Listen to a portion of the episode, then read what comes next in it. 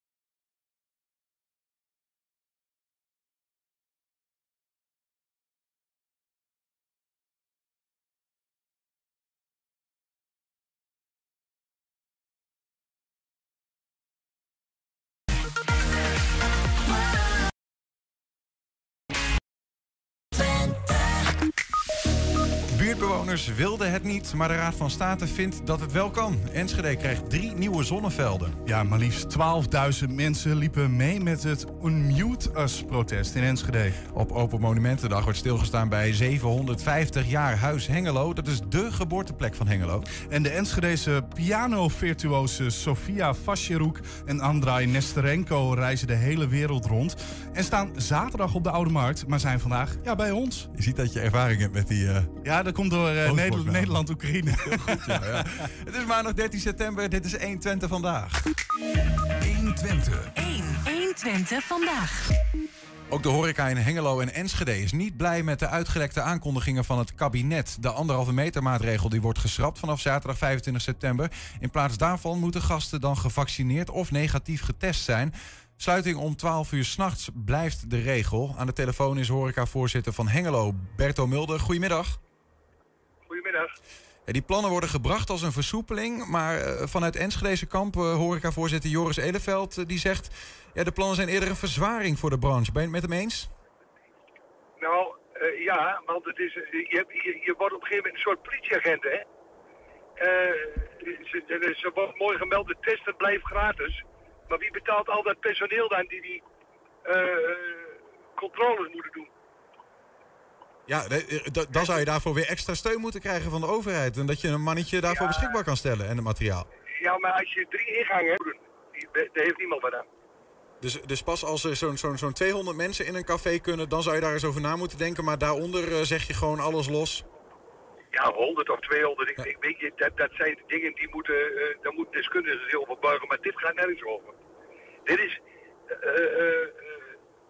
als je, de, als je er heel eerlijk over bent, wordt het eigenlijk alleen maar gekker. Behalve dan als je die anderhalve meter eraf doet. Wat, wat, denk je dan eigenlijk zelf? Ik bedoel, ik, ik sprak met uh, de voorzitter dus van de horecavereniging in Enschede. Die zegt, ja weet je, de horeca wordt nu gewoon eigenlijk als een dwangmiddel gebruikt... om uh, zoveel mogelijk vaccinatie, de vaccinatiegraad te verhogen. Omdat, dat, omdat het juridisch zeg maar niet haalbaar is om te zeggen, je moet er één. Dan maar op deze manier. Ja, ze zeggen dus, we willen het niet gaan verplichten. En dat waardeer ik, maar dat doen ze nu eigenlijk toch wel. Ja. Maar je kunt er natuurlijk, een gevolg van dit verhaal zal zijn dat de jeugd zich in elk geval laat inenten. En niet dat ik daar tegen ben, maar ze wouden toch niks, geen verplichtingen voor, in, geen inentingsverplichtingen. Ja, maar mensen kunnen toch ook gewoon zich laten testen? Dat is toch het alternatief? Ja, en testen is gratis. Maar ja. de, daar zit men nog steeds met die lui die die controle uit moeten voeren, het personeel. Is dat het, is dat het grootste probleem? Dat is, nou, dat is het grootste probleem van, van de mensen die, die de grote, zeker van de grote bedrijven. Mm -hmm. de, je moet constant, zolang als je open bent, bij elke ingang die je gebruikt wilt, iemand hebben staan om te controleren. Hey, en zelfs, scannen. stel nou dat je dat voor elkaar krijgt, hè Berto. Dat je, dat je geld krijgt van de overheid om dat allemaal te regelen. Ehm, dan heb jij misschien zelf ook wel bij jou in de kleine burgemeester stamgasten die zeggen... ja, maar ik, ga, ik doe hier niet aan mee. En dan? Ja, nou, ik heb de kleine burgemeester niet meer, maar Oh, die, die stamgasten zullen er in elk... Nee, dat maakt niet uit, maar die, die stamgasten die zullen er in elk geval zijn. Ja, als je zegt, ik doe hier niet meer aan mee, ja, dan, dan kun je niet naar binnen. Als, het, als ze dit doorzet. Ja. Maar dan krijg je ruzie bij de poort. Nou, dat krijg je niet. eh, Ruzie krijg je bij de poort, maar dat kost A, opzet. En erg klantvriendelijk is het ook niet, hè? Ja. Maar het is toch wel, ja, het blijft toch opmerkelijk als je dan zegt van oké, voor eigenlijk gaat het nu goed zoals het is. Ehm, het is dus voor de gezondheid goed. Eh, de gasten zijn blij. Eh, eh, horeca is eindelijk weer, maakt weer wat geld. Dat, je, dat de vraag eigenlijk is, waarom, waarom doen we het eigenlijk? Ja, dat zei je net ook al. Maar ik, ik zeg louter eens praktisch belichten. We hebben net Zandvoort gehad vorige week. Er zijn nog niet, het is nog niet echt bekend dat daar veel besmettingen uit voort zijn gekomen. Ik weet niet of je die filmpjes gezien hebt. Ja, dat heb ik gezien. Dat zijn praktische voorbeelden waar, waar ze zich veel meer op moeten richten. Er zitten nu allerlei mensen bij elkaar die bedenken dit. En daar zullen ze absoluut een goede reden voor hebben. Maar er zit geen praktisch verhaal achter. Nou ja, maar dat, is, dat werpt ook wel een interessante vraag op. Want je, we horen dat de Koninklijke Horeca Nederland, de branche of de vereniging waar jij ook onderdeel van bent, dat, eh, Zeker, ja. dat, dat die zich zeg maar, reageert op de plannen. Eh, dat, dat, dan stel ik me de vraag, zijn ze ook betrokken bij het tot stand komen van de plannen eigenlijk?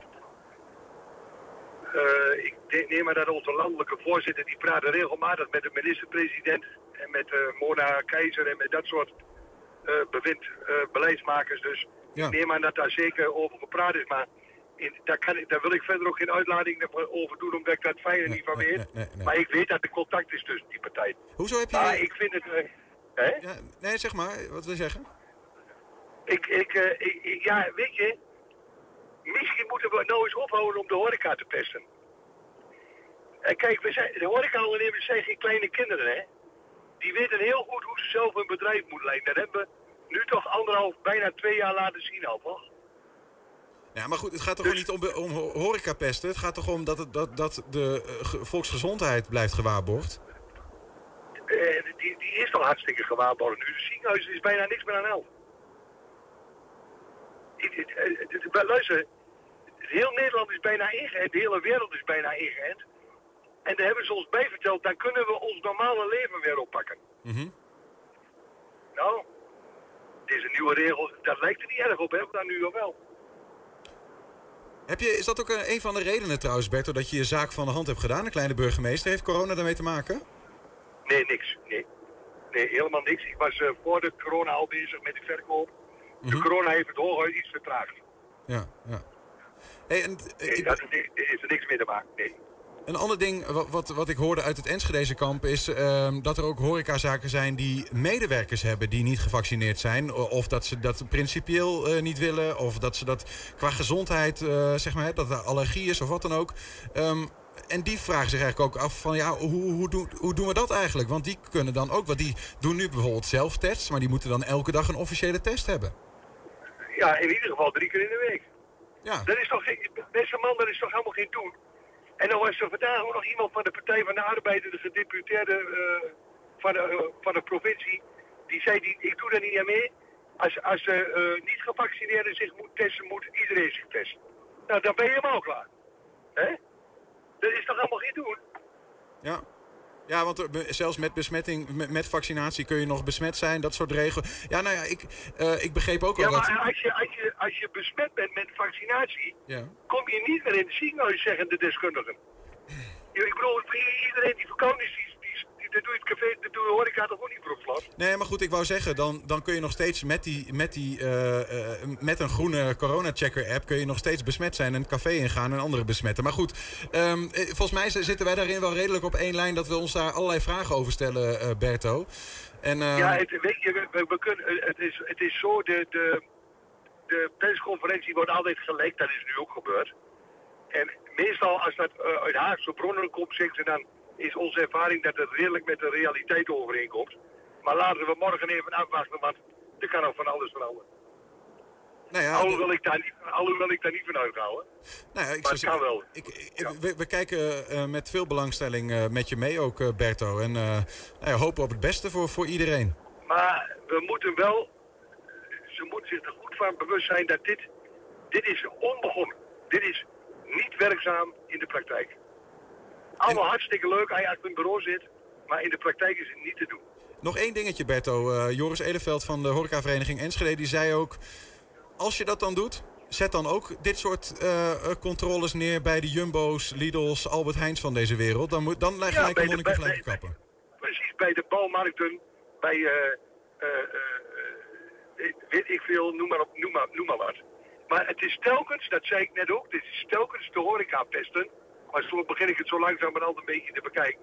Dat het, het, de horeca is, ik geloof dat 2,7% van alle besmettingen tot nu toe uit de horeca zijn voortgekomen.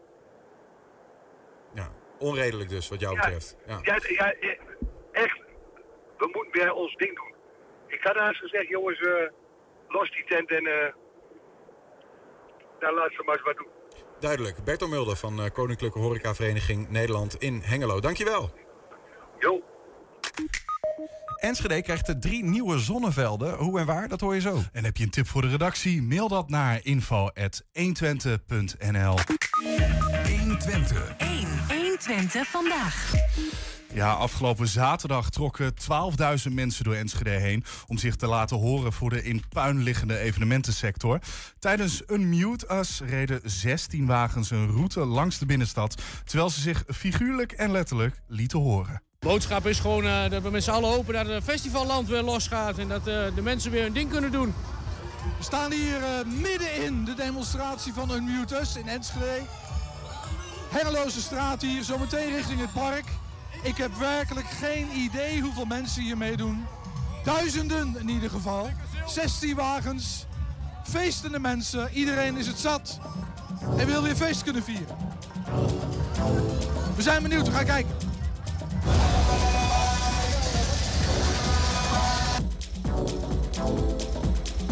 We vragen gewoon, eh we willen gewoon geen eh, testen meer voor toegang.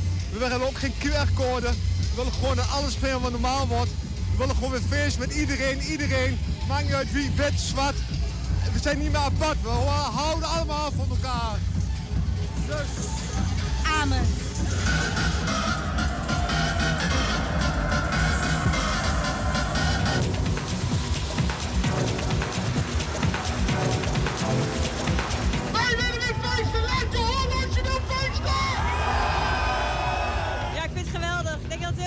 Ze zich laten horen. Letterlijk. Ja, absoluut.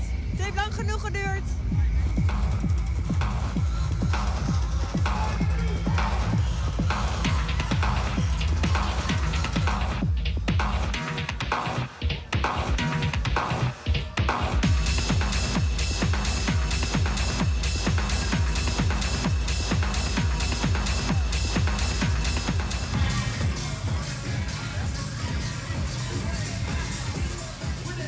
We zijn het spuugzat omdat het eh, gewoon eh, super willekeurig is. Wij eh, we snappen maatregelen, die zijn nodig. Maar er mag inmiddels bijna alles, behalve dit.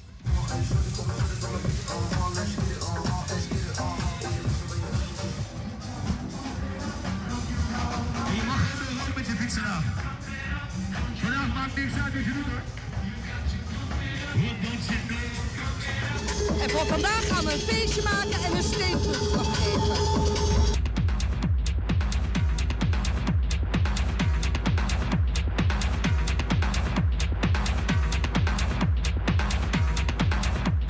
Ik kom uit Enschede, maar ik woon in Amsterdam. Eh, nu voor het weekend hier, want eh, ja, ik wil me ook laten horen. Dus eh, ja, nee, super goed. Echt heel fijn. We zijn een beetje de sluitpost. En eh, ja, dat, eh, op het begin, eh, we hebben het volgehouden, dat was prima. Maar eh nou, dat mag er nu ook andersom. Ja, dat was dus de demonstratie van afgelopen zaterdag. 120. 120 vandaag. Ron Rond de N35 zijn er drie zonneparken gepland. Bij elkaar zo'n 18 voetbalvelden groot. Daarmee worden zo'n 3500 Enschedeze huishoudens van duurzame energie voorzien. Als het allemaal eh, gelukt is. Buurtbewoners die probeerden en ander nog te voorkomen. Maar de Raad van State die heeft de bouw van de zonnepanelen na lang wikken en wegen goedgekeurd. We praten erover met de voorzitter van Enschede Energie. Dat is Jeroen Jansen. Jeroen, goedemiddag. Goedemiddag. Het heeft even geduurd, hè? Eh, hoe lang eigenlijk? Hoe, wanneer waren de eerste plannen? Zeg dat wel. Wij hebben 3 augustus 2018 de plannen ingediend. Dus eh daar waren we natuurlijk al een jaar bezig met, eh, met de hele voorbereiding. Nou ja, dus vier jaar nadat het eerste. Ja. idee er Dus, was. eh, ruim vier jaar na het eerste. Nou, na het eerste idee inderdaad ruim vier jaar. Ja, ja. Opgelucht? Wij zijn ontzettend blij, ja. Want voor ons is dit natuurlijk een, een, een grote klapper. En niet alleen voor ons, voor heel Enschede. Want ja, mensen kunnen gewoon lid worden en duurzame stroom afnemen voor een, eh, voor een prima tarief. Ja. Eh, en mensen kunnen ook investeren. Dus, dus eh, het is ook een aanbieding aan de samenleving.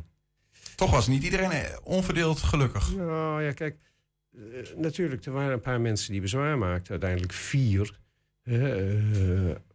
in aanmerking genomen hoeveel mensen daar binnen 500 meter vanaf wonen, is dat een klein aantal. Eh, en dat heeft... Hoeveel zijn dat er ongeveer, denk je? Nou, dat waren er op een meter of 500, praat je over een paar honderd mensen. Ja, ja.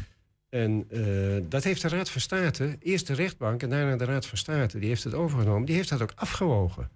Die heeft gezegd, eh, er waren nogal wat mensen die een zienswijze indienden bij de gemeente. En uiteindelijk zijn er maar vier mensen van over die de moeite namen om naar de rechtbank te stappen. Dus gebrek aan draagvlak, ja, dat is wel vrij relatief als maar vier mensen die moeite nemen. Is het eigenlijk, eh, wat vinden we daar eigenlijk van? Dat er dus, eh, ja, dat, dat er dus vier mensen, een heel, heel klein percentage, kan zorgen dat dat zo lang dan eh, sleept, zo'n proces. Nou, nou kijk, als, als, als initiatiefnemer vind ik dat natuurlijk ontzettend jammer. Want we zijn gewoon ruim twee jaar verloren in dit hele proces. Ehm, en we zijn niet alleen tijd verloren, maar die subsidievoorwaarden zijn inmiddels zoveel slechter geworden. dat we eh, voor een veel gunstiger prijs stroom hadden kunnen opwekken. als we twee jaar geleden al waren begonnen met de realisatie. Hè? Dus de inwoners van Enschede die lid zijn, verliezen er ook mee. Het alleen maar verliezers nu. Ja, ja, ja, kijk, het is wel je recht. Ik bedoel, ik kan de bezwaarmakers niks kwalijk nemen. Ik ben het Mhm. niet met ze eens. Maar het is wel je recht, godzijdank in dit land, om als je wilt bezwaar te maken. Mhm. Dus ze hebben van hun recht gebruik gemaakt. Dus in die zin zeg ik, oké, eh, gunstige uitspraak. Ze hebben hun recht gebruikt. eh, eh, dat, dat moet ook gebeuren. Maar ik had liever gehad dat het niet was gebeurd. We hebben met een aantal mensen die aanvankelijk bezwaar hadden... hebben wij ook nader afspraken gemaakt. We hebben de plannen aangepast. echt, Wat, wat is er bijvoorbeeld, wat, wat, wat, want zij hebben denk ik moeite met het, het zicht. Ze, ze- meestal hebben ze moeite met het zicht. Een enkeling zegt heel principieel geen boerengrond voor zon of wind. Mhm. Nou ja, daar heeft het Rijk het nodig over gezegd. Daar heeft de gemeente het nodig over gezegd. Dat, dat is een gelopen race. Maar de meeste mensen zeggen, ja, het zit vlakbij me. Nou, daar hebben we bijvoorbeeld met een van de bezwaarmakers... die hebben we meer dan 40 meter hebben we van dat veld afgesnoept. En die krijgt dat gebied ook. eh, zolang hij leeft... de verwachting is dat hij niet langer dan 25 jaar leeft... want zo lang liggen die panelen er... heeft hij gebruik over die grond. Die richten we ook nog in. Met kikkerpoelen en eh strakage Ja. eh, en- en- enzovoort, enzovoort. Dus we hebben maatwerk verricht om te zorgen dat die velden z- zoveel mogelijk pasten, ook naar het gevoel van de omwonenden. Maar een paar omwonenden waren het daar dus niet mee eens. Waarom is, is deze plek, eh, wat jullie betreft, ges- geschikt voor die zonnevelden? Nou, dat was wel interessant. Eh, to- toen die, die hele ontwikkeling op gang kwam, heeft Stawel, hè, de, de organisatie van bewoners in het buitengebied, die heeft een enquête gehouden onder zijn leden. En daar hebben ze ook gevraagd: eh, hebben jullie toevallig nog grond beschikbaar waarvan jullie vinden dat die wel geschikt is voor, voor zonnevelden? En daar zijn onder andere deze drie velden uitgekomen. Oké. Dus wij hebben gewoon, dit is aangeboden door boeren uit het buitengebied. Ze hebben eigenlijk, eigenlijk zelf aangedragen. Alleen er waren vier buurtbewoners die... Zelf aangedragen. Ja, ja. En eh, hoe, hoe reageer je dan als mensen... Want ik, woon je er zelf in de buurt, Jeroen? Nee, nee, nee. Ik woon, ik woon in Noord. Want hoe, hoe reageer je dan als mensen zeggen... ja, maar goed, het is ook niet in de achtertuin van meneer Jansen, zeg maar. Wat, wat zou je doen als het bij, u, ei- bij uzelf in de buurt was? Ik zou het prachtig vinden. Want vergis je niet, er komen niet alleen panelen. Wij leggen daar een, een singles van 10 meter breed omheen aan. Daar, daar, daar, daar vindt natuurherstel plaats. Daar kunnen weer eh, hazen, konijnen, eh, patrijzen... de hele rimram kan daar weer eh, scharrelen, lopen, leven, Mhm. vlinders enzovoort enzovoort. Dus onze, da- daarbinnen staan die, staan die zonnepanelen, maar daar zie je eigenlijk niks van. Is dat een soort van compensatie om het, om het in te passen? Wij passen dat gewoon heel netjes in, inclusief die, die boomkikker-biotoop die daar wordt gerealiseerd. Dus wij, wij doen echt aan natuurherstel. Maar waarom, waarom, waarom doet u dat? Zeg maar om, om die, die mensen die dan moeite hebben tevreden te stellen? Of vindt u dat een soort van morele plicht? Nou, wij herstellen in wezen een, een stukje landschap dat er vroeger ook was.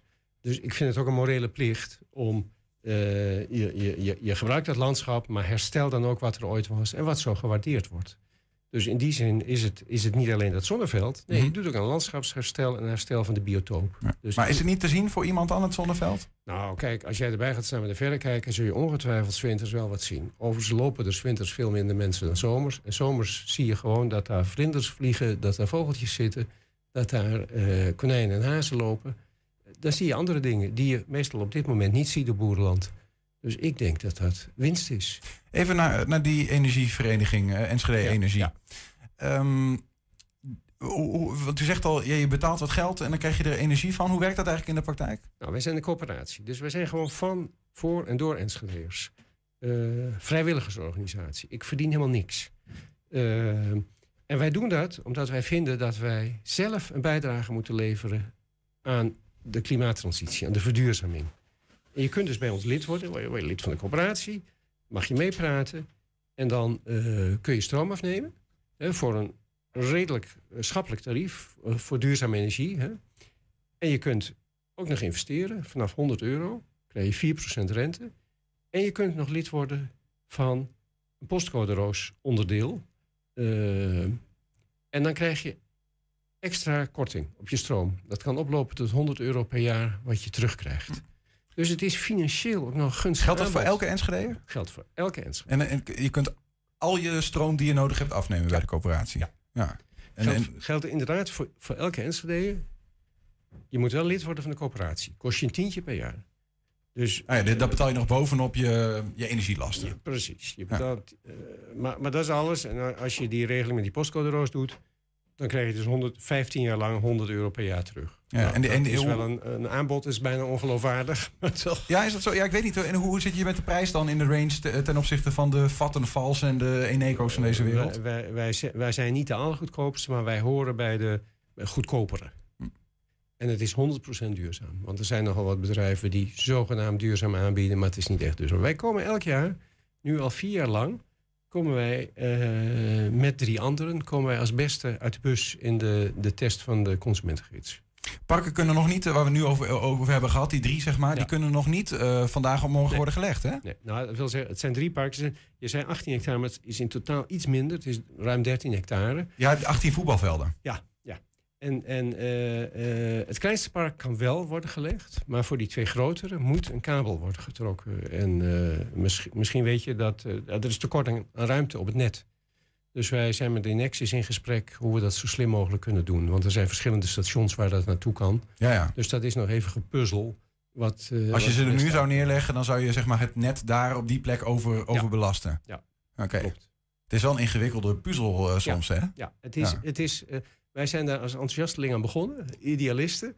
En nu ligt u er wel eens wakker van, of nee, niet? Nee, nee, nee, nee, want het is, het is echt voor het goede doel. Het Ja. is voor iedereen. Eh, eh, en dit jaar hadden we een goede zomer, maar die paar afgelopen zomers dat het bijna of helemaal 40 graden was, denk je van ja, dit is niet goed, jongens. Hmm. Eh, daar moeten we echt aan doen. Dus ik, ik, ik ben ontzettend gemotiveerd om dit te doen. En Ja, de warme zomers motiveren u om zonnevelden aan te ja, maar leggen. ook, ook het feit dat ik, dat ik geen konijn meer zie als ik in het buitengebied fiets. Mm, En andere dieren ook niet. We, we hebben echt met z'n allen onbewust wel heel veel naar de knoppen geholpen. Ja. Dus eh, ik, ben, ik ben heel erg gemotiveerd om op deze manier positief bij te dragen. Ja. En om anderen ook die kans te bieden bij te dragen. Enschede Energie ehm, heeft, slash had ook plannen voor zonnevelden in de buurt van het Rutbeek. Dat is een beetje in de knel gekomen, toch? Nou, dat is niet helemaal waar. Eh, het waren niet onze plannen. Het waren de plannen van een grote ontwikkelaar. 35 hectare. En die zijn er nog steeds. Eh, alleen de raad heeft gezegd... commerciële partijen moeten in zee gaan met een lokale coöperatie. Dus dan komen ze bij Enschede Energie terecht. En dat heeft ertoe geleid dat wij hebben afgesproken met deze ontwikkelaar... als wij 50% van het veld krijgen, Mhm. dan willen we met je samenwerken. Ja. En dat betekent 50% van het veld komt beschikbaar voor inwoners van Enschede. En ook voor zo'n financieel gunstige deal. In die zin eh, zijn we daarbij betrokken. En die plannen die zijn er nog steeds? Die plannen zijn er nog steeds. Oké. Alleen de gemeenteraad heeft de energievisie niet vastgesteld. Dus het wacht nu op de vaststelling door de energievisie of een variant daarvan door de gemeenteraad. De gemeenteraad is aan zet. Waarom is dat eh, eh, belangrijk? Want die energievisie die, die er niet is gekomen dat de gemeenteraad eigenlijk tegenstemde. Ja. dat ligt er eigenlijk nu zo'n zonneveld in de weg. Ja. Hoe zit dat precies? Nou, kijk, er zijn ook wat eerdere eh, uitgangspunten vastgesteld. Dus eh, het zou technisch kunnen, want de Raad heeft eerder in, 19, of in 2017 vastgesteld eh, dat ze meewerken aan plannen mits er voldoende draagvlak is. En die niet liggen op verboden gebieden, zeg maar, ecologisch verboden gebieden. Nou, dit plan lijkt daaraan te kunnen voldoen. Maar zoals jullie allemaal weten, zijn de verkiezingen volgend jaar maart. Mhm. En dat leidt toe dat de besluitvorming eh, wat stroperig gaat. Laten we het zo maar even uitdrukken. Maar binnenkort, volgende week, is er een raadsvergadering. Eh, en dan ligt een brief van BMW aan de raad over hoe men om wil gaan met het niet vaststellen van de energievisie. Dus dan wordt er hopelijk iets meer bekend. Maar even praktisch gezien, want ik neem aan als je een zonneveld wil realiseren, dan heb je een vergunning nodig. Die kun je toch nu ook gewoon aanvragen? Of, hoe- of is dat lastiger? Nou, kijk, als we hem nu aanvragen, eh, dan zegt de raad: wacht u eerst maar even tot we een- weer een volgende uitspraak hebben gedaan. Ze weten dat. We hebben ook een brief aan de raad geschreven en gezegd: die en die plannen hebben wij Ja. op dit moment. En wij hopen dat jullie daar aan medewerking willen verlenen. En ik denk dat die brief eh, betrokken wordt bij de discussie volgende week. Dus het, is allemaal, het wordt allemaal lastiger als die energievisie er nog niet is. Ja. En dat is vervolgens, want u noemde net ook al, ehm, hoe langer dit soort trajecten duren, hoe minder eigenlijk waardevol een zonneveld wordt. Want je moet dan ook, je krijgt niet meer zoveel subsidies bijvoorbeeld. Ja, dat, dat is echt eh, een zorgpuntje. Eh, de subsidies nemen steeds af. Eh, de panelen worden weliswaar goedkoper, maar de subsidies nemen sneller af dan de panelen en de aanleg goedkoper wordt. Ja. Dus in wezen blijft er steeds minder over om terug te geven aan de leden. En dat vinden wij heel jammer voor de leden, maar ook voor onszelf. Want kijk, wij zijn een jonge organisatie. En eh, de huidige bestuursleden hebben ook niet het eeuwige leven. Dus wij willen ook graag dat er professionals komen die die rol een keer overnemen. Dan- En dan heb je toch een beetje eh, geld voor nodig om, eh, om professionals te kunnen betalen. Zijn er nog andere plannen in de koker van eh NSG Energie? Ja, we hebben nog een paar plannen, maar die zijn nog net niet zover dat we ze nu al van de daken kunnen schreeuwen. Want we zijn nog in gesprek met de eigenaren. Dus, eh, maar ik kom heel graag terug op Ja. het moment dat daar wat zekerheid over is. Want er zitten best wat spectaculaire ideeën bij. Goed zo, we nodigen je graag nog een keer uit als het zover is, eh, Jeroen. Nou, dan kom ik zeker. Ja, dank in ieder geval voor het toelichten van eh, nou ja, die huidige plannen van drie voetbalvelden aan zonne, zonne-energie, eh, zonnepanelen bij de N35. En succes met de plannen. Dank je. En Jeroen. Jansen. Tot ziens. Zometeen zie je hoe op Open Monumentendag werd stilgestaan bij 750 jaar Huis Hengelo. Dat is zeg maar de geboorteplek van Hengelo. En Niels, wist je ook dat we als podcast te beluisteren zijn via alle bekende platforms? Ja, ja, mooi. hè? Je vindt er namelijk de hele uitzendingen en elke dag één item uitgelicht. 120. 120 vandaag. De meest Duitse stad van Nederland neemt afscheid van haar burgemeester. Onno van Veldhuizen die verlaat na zes jaar zijn stad Enschede. Maar met hem gaat ook een belangrijke ambassadeur van de Duits-Nederlandse en vooral grensoverschrijdende samenwerking verloren. In een live programma van 120 en de Duitse uitgever Wirtschaft Actueel. Die wordt eh, morgenmiddag om 5 uur uitgezonden. Wordt stilgestaan bij het vertrek van Van Veldhuizen. En de gevolgen daarvan voor onze grensregio. Eh, en eh, onze hoofdredacteur Henk ten Harkel die is even bij ons om daar eens wat meer over te vertellen. Henk, goedemiddag. Goedemiddag. Eh, want die kaders van het programma zijn inmiddels wel eh, aardig eh, bekend, hè? Ja, wij, nou, eigenlijk willen we van, van onze burgemeester weten. Hij is hier aangenomen ooit met het idee van dit is een man die de grensoverschrijdende samenwerking kan, nou, kan enthousiasmeren bijna, zou ik zeggen. Ehm, en iemand, hij kreeg eigenlijk de opdracht van ik, ik ga de grens weggummen. En dus de, de, de grensoverschrijdende samenwerking zou zich zo moeten ontplooien dat iedereen er wat aan heeft. Nou, daar heeft hij zes jaar aan gewerkt. Hij is heel veel in Duitsland geweest, heeft heel veel gesproken in, eh, met allerlei eh, Duitsers en met Nederlanders hier in de regio. En uiteindelijk zouden we dus morgen van hem willen weten wat heeft ons dat opgeleverd. Ja. En nou ja, Nou ja, eh, hij zegt veel. oké. Dat wordt zijn stelling. Dat wordt zijn stelling. Ehm, nou, en wij zouden graag van hem willen weten... oké, laat, maar eens, laat maar eens zien dan. Wat levert het op? En wat is het dan concreet? En wat hebben wij als burgers van Enschede, Hengelo... wat hebben wij eraan? Om...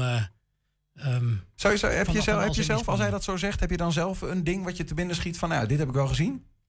Nou ja, een van de, van de dingen die eh, mij opviel eh, wa- was ten tijde van corona het feit dat wij naar de Duitse ziekenhuizen konden, eh, dat de IC-bedden klaargezet werden voor Nederlanders, is mede te danken hier in Noord-Rijn-Westfalen, is mede te danken aan het werk van eh Onno van Veldhuis.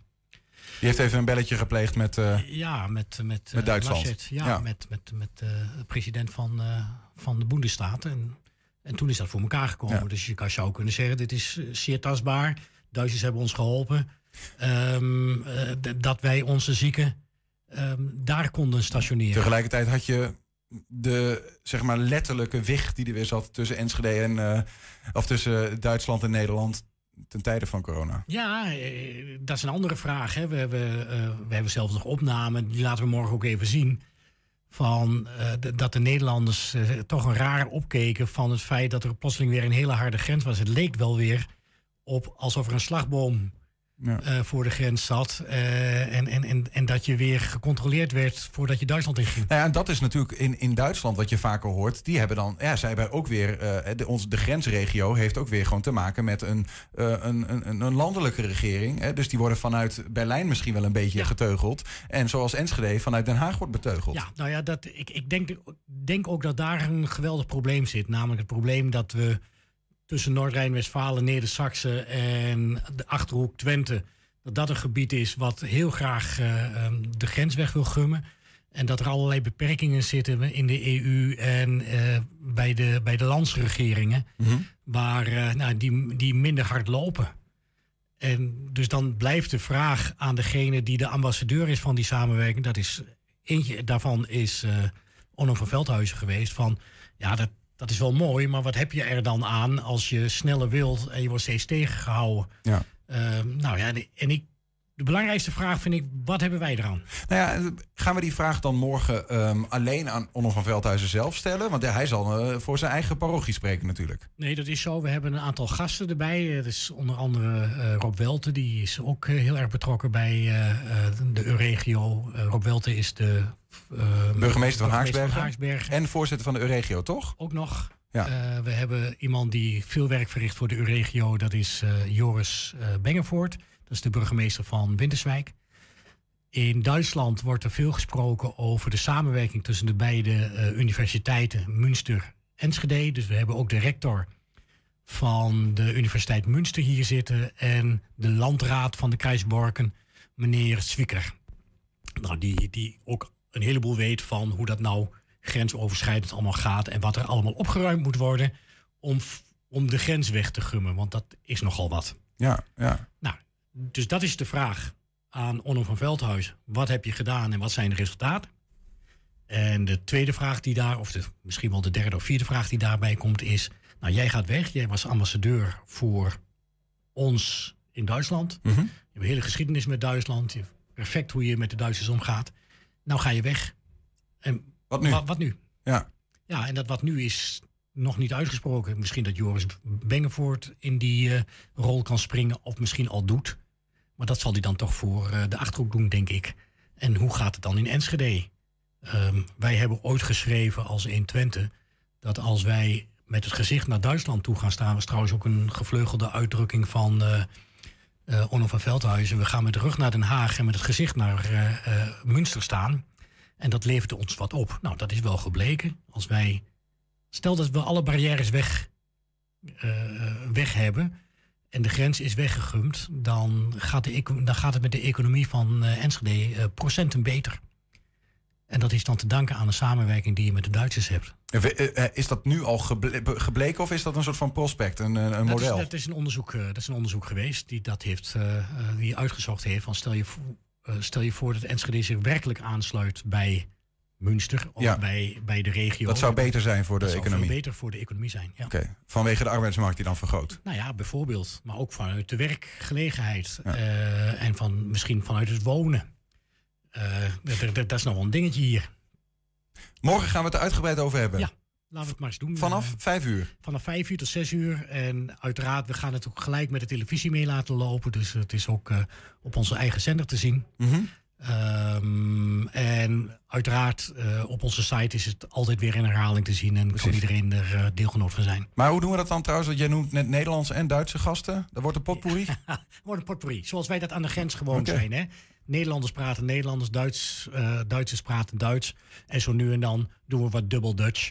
Ehm dan, gaan we, dan gaan we het wat mengen. Ja. Heb je al geoefend, Niels? Wordt heel bijzonder. Ja. Ja hoor, ik oefen iedere dag. Mooi. Ja, nee, maar ik heb begrepen dat ik gewoon Nederlands mag praten namelijk. Oh, kijk eens aan. Ja, ik zal morgen eh, namelijk eh, een van de hosts zijn samen met eh, de directeur van de Euregio, Christophe Almering. En ik ben ontzettend benieuwd, Henk. Dankjewel voor, je, voor, je, voor je inzicht in ieder geval in wat we morgen gaan doen. Vanaf vijf uur dus zorg dat je erbij bent als je weet wat, wat er gaat gebeuren met de Euregio. Mooi. Ja, de Enschedeze piano-virtuose Sofia Vasjeroek en Andrei Nesterenko reizen de hele wereld rond en staan zaterdag op de Oude Markt, maar zijn straks al bij ons. 120. 120 vandaag. Ja, de Open Monumentendag stond dit weekend in Hengelo onder meer in het teken van 750 jaar Huis Hengelo. Huis Hengelo wordt gezien als de plek waar de stad is ontstaan, maar deze historie is bij veel inwoners niet bekend. Stichting Erfgoed Hengelo wil daarom dit stukje geschiedenis nog zichtbaarder maken, want, zo zegt voorzitter Hans de Grel, Huis Hengelo is een monument van alle Hengeloers. 4, 3, 2, 1, ja!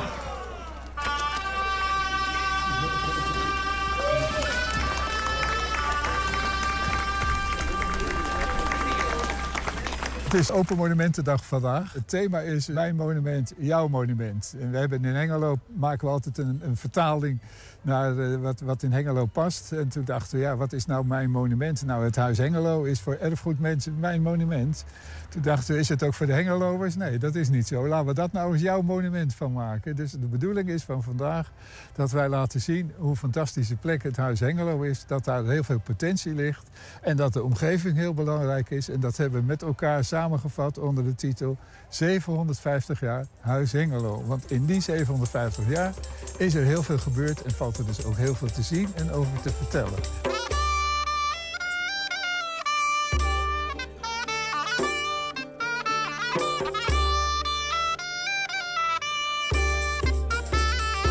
Nou, dit is eigenlijk het ontstaan van Hengelo, kan je zeggen. Als je kijkt, er is een hele oude kaart, een Hottingerkaart. En dan zie je een kasteel met een slotgracht en verder niks. Alleen maar moeras en wat wegen, wat paden. Eh, en dus hier is het begonnen. Doordat het huis steeds belangrijker werd. Het, van, een, van een boerderij werd het een, een. En van een havenzaad werd het een kasteel. Groeide het dorp mee. En daardoor is eigenlijk Hengelo ontstaan. En nou, dat is natuurlijk belangrijk als je je ontstaan zichtbaar kan maken. Uh, mijn naam is uh, Jeroen Hoogstraat. Ik ben uh, beeldend kunstenaar uit Rotterdam. En tien jaar geleden ben ik hier gevraagd om een ontwerp te maken eigenlijk voor op Huis Hengelo.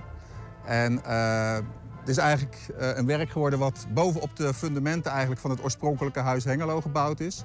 En ik heb eigenlijk de contour van het huis heb ik aangegeven met een natuurstenen band. En daar wordt drie keer per dag wordt daar water op gepompt. En dan verdwijnt eigenlijk het fundament weer onder, onder het water, zoals het eigenlijk in de geschiedenis ook al een paar keer verdwenen is. Zeg maar. Op een gegeven moment is hier een HEMA-fabriek gebouwd en er werd er weer in de grond wat gevonden. En toen is toch de fundamenten zijn weer blootgelegd. Dus het is een soort uh, spel daarmee eigenlijk. En als, als, het water zakt, dan zie je dus eerst de grote contour van, van een, groot vierkant huis wat het geweest zou kunnen zijn.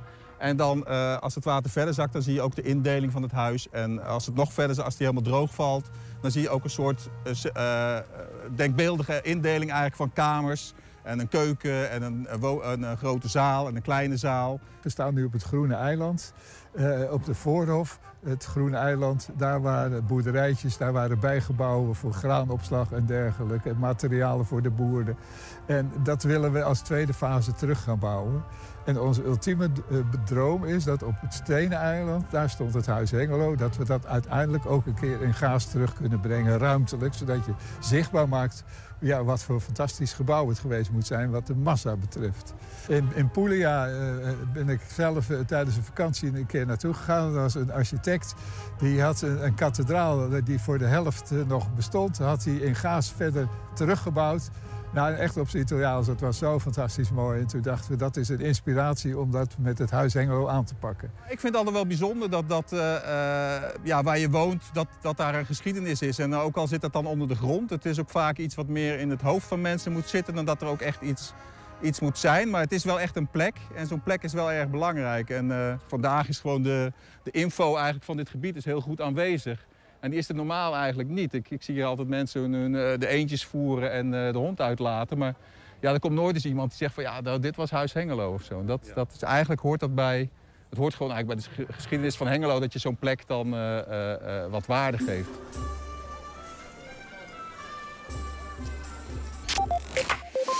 Twente. Ja, bijzondere plek daar.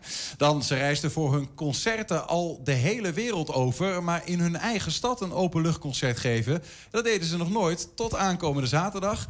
Dan staan eh, de piano-virtuosen Sofia Vacheruk en André Nesterenko eh, op de Oude Markt. Maar nu zijn ze nog even bij ons. Welkom beiden. Wat leuk dat jullie er zijn.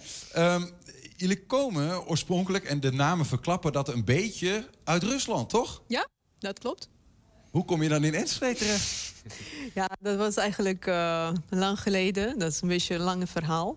Maar eh, in kort, eh, er is een pianoconcours voor jonge muzicis. En eerst kwam André en hij heeft hier een prijs gewonnen. En twee of drie jaar later kwam ik. En hier hebben wij een fantastische pianodocent gevonden. Die is ook origineel, hij is uit Moskou.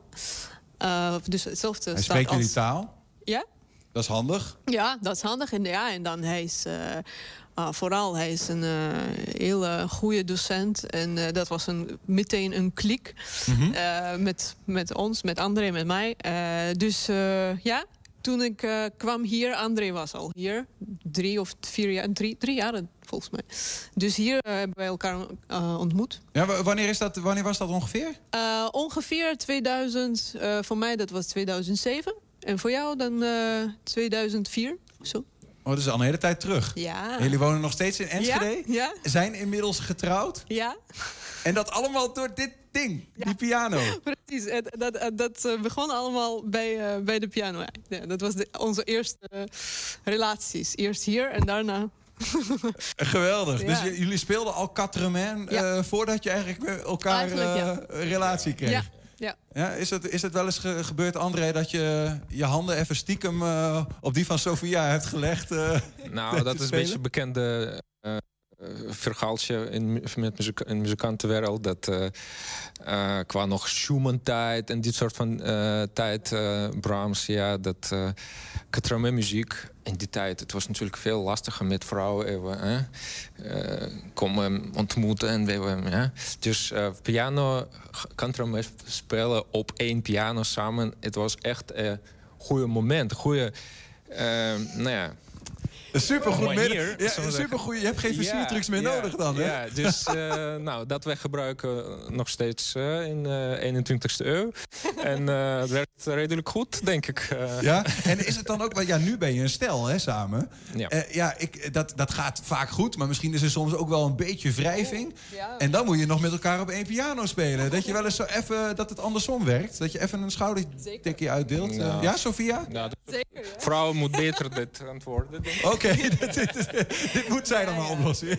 Ja, hier gebeurt van alles. Dus eh, ja, dat, dat, dat, anders is het, is het saai. Dus natuurlijk, gebeurt van alles. Merk je dat eigenlijk ook? Als je dan samen, want je gaat ook zaterdag, ga je samen zaterdag Ja, ook, uh, Katrin? ja, ja. Me- merk je het ook hoe jullie, eh, hoe jullie met elkaar, als je lekker gaat of even wat, merk je dat in Zeker, pianospel? Zeker, zeker. Dat is allemaal niet, nooit apart. Dat is allemaal... Die chemie komt ma- allemaal daarin samen. ja, ja, ja, ja, ja, ja, ja. Nee, maar ook eh, qua repertoire wat we spelen samen, eh Katramé, eh, het, is, het is nooit, bijna nooit eh, gewoon. Ik zou zeggen, wij proberen altijd eigen transcriptie, eigen arrangement te maken. En eh, ja, meestal lukt het wel. Meestal, eh, soms moeten wij oplossing vinden. Hè? Dus ik wil zo, of zij wil zo. En nou ja, dus eh, nou. Het is een beetje, een beetje weer, We gaan zo meteen levende- zien hoe dat er dan uitziet als jullie dat samen doen. maar voordat we, voordat we daar komen, nog even... want eh, jullie wonen dus al een tijdje in Enschede... maar ondertussen trek je ook de hele wereld rond, toch? Waar, waar- waar- Sophia, waar ben je allemaal geweest met de piano?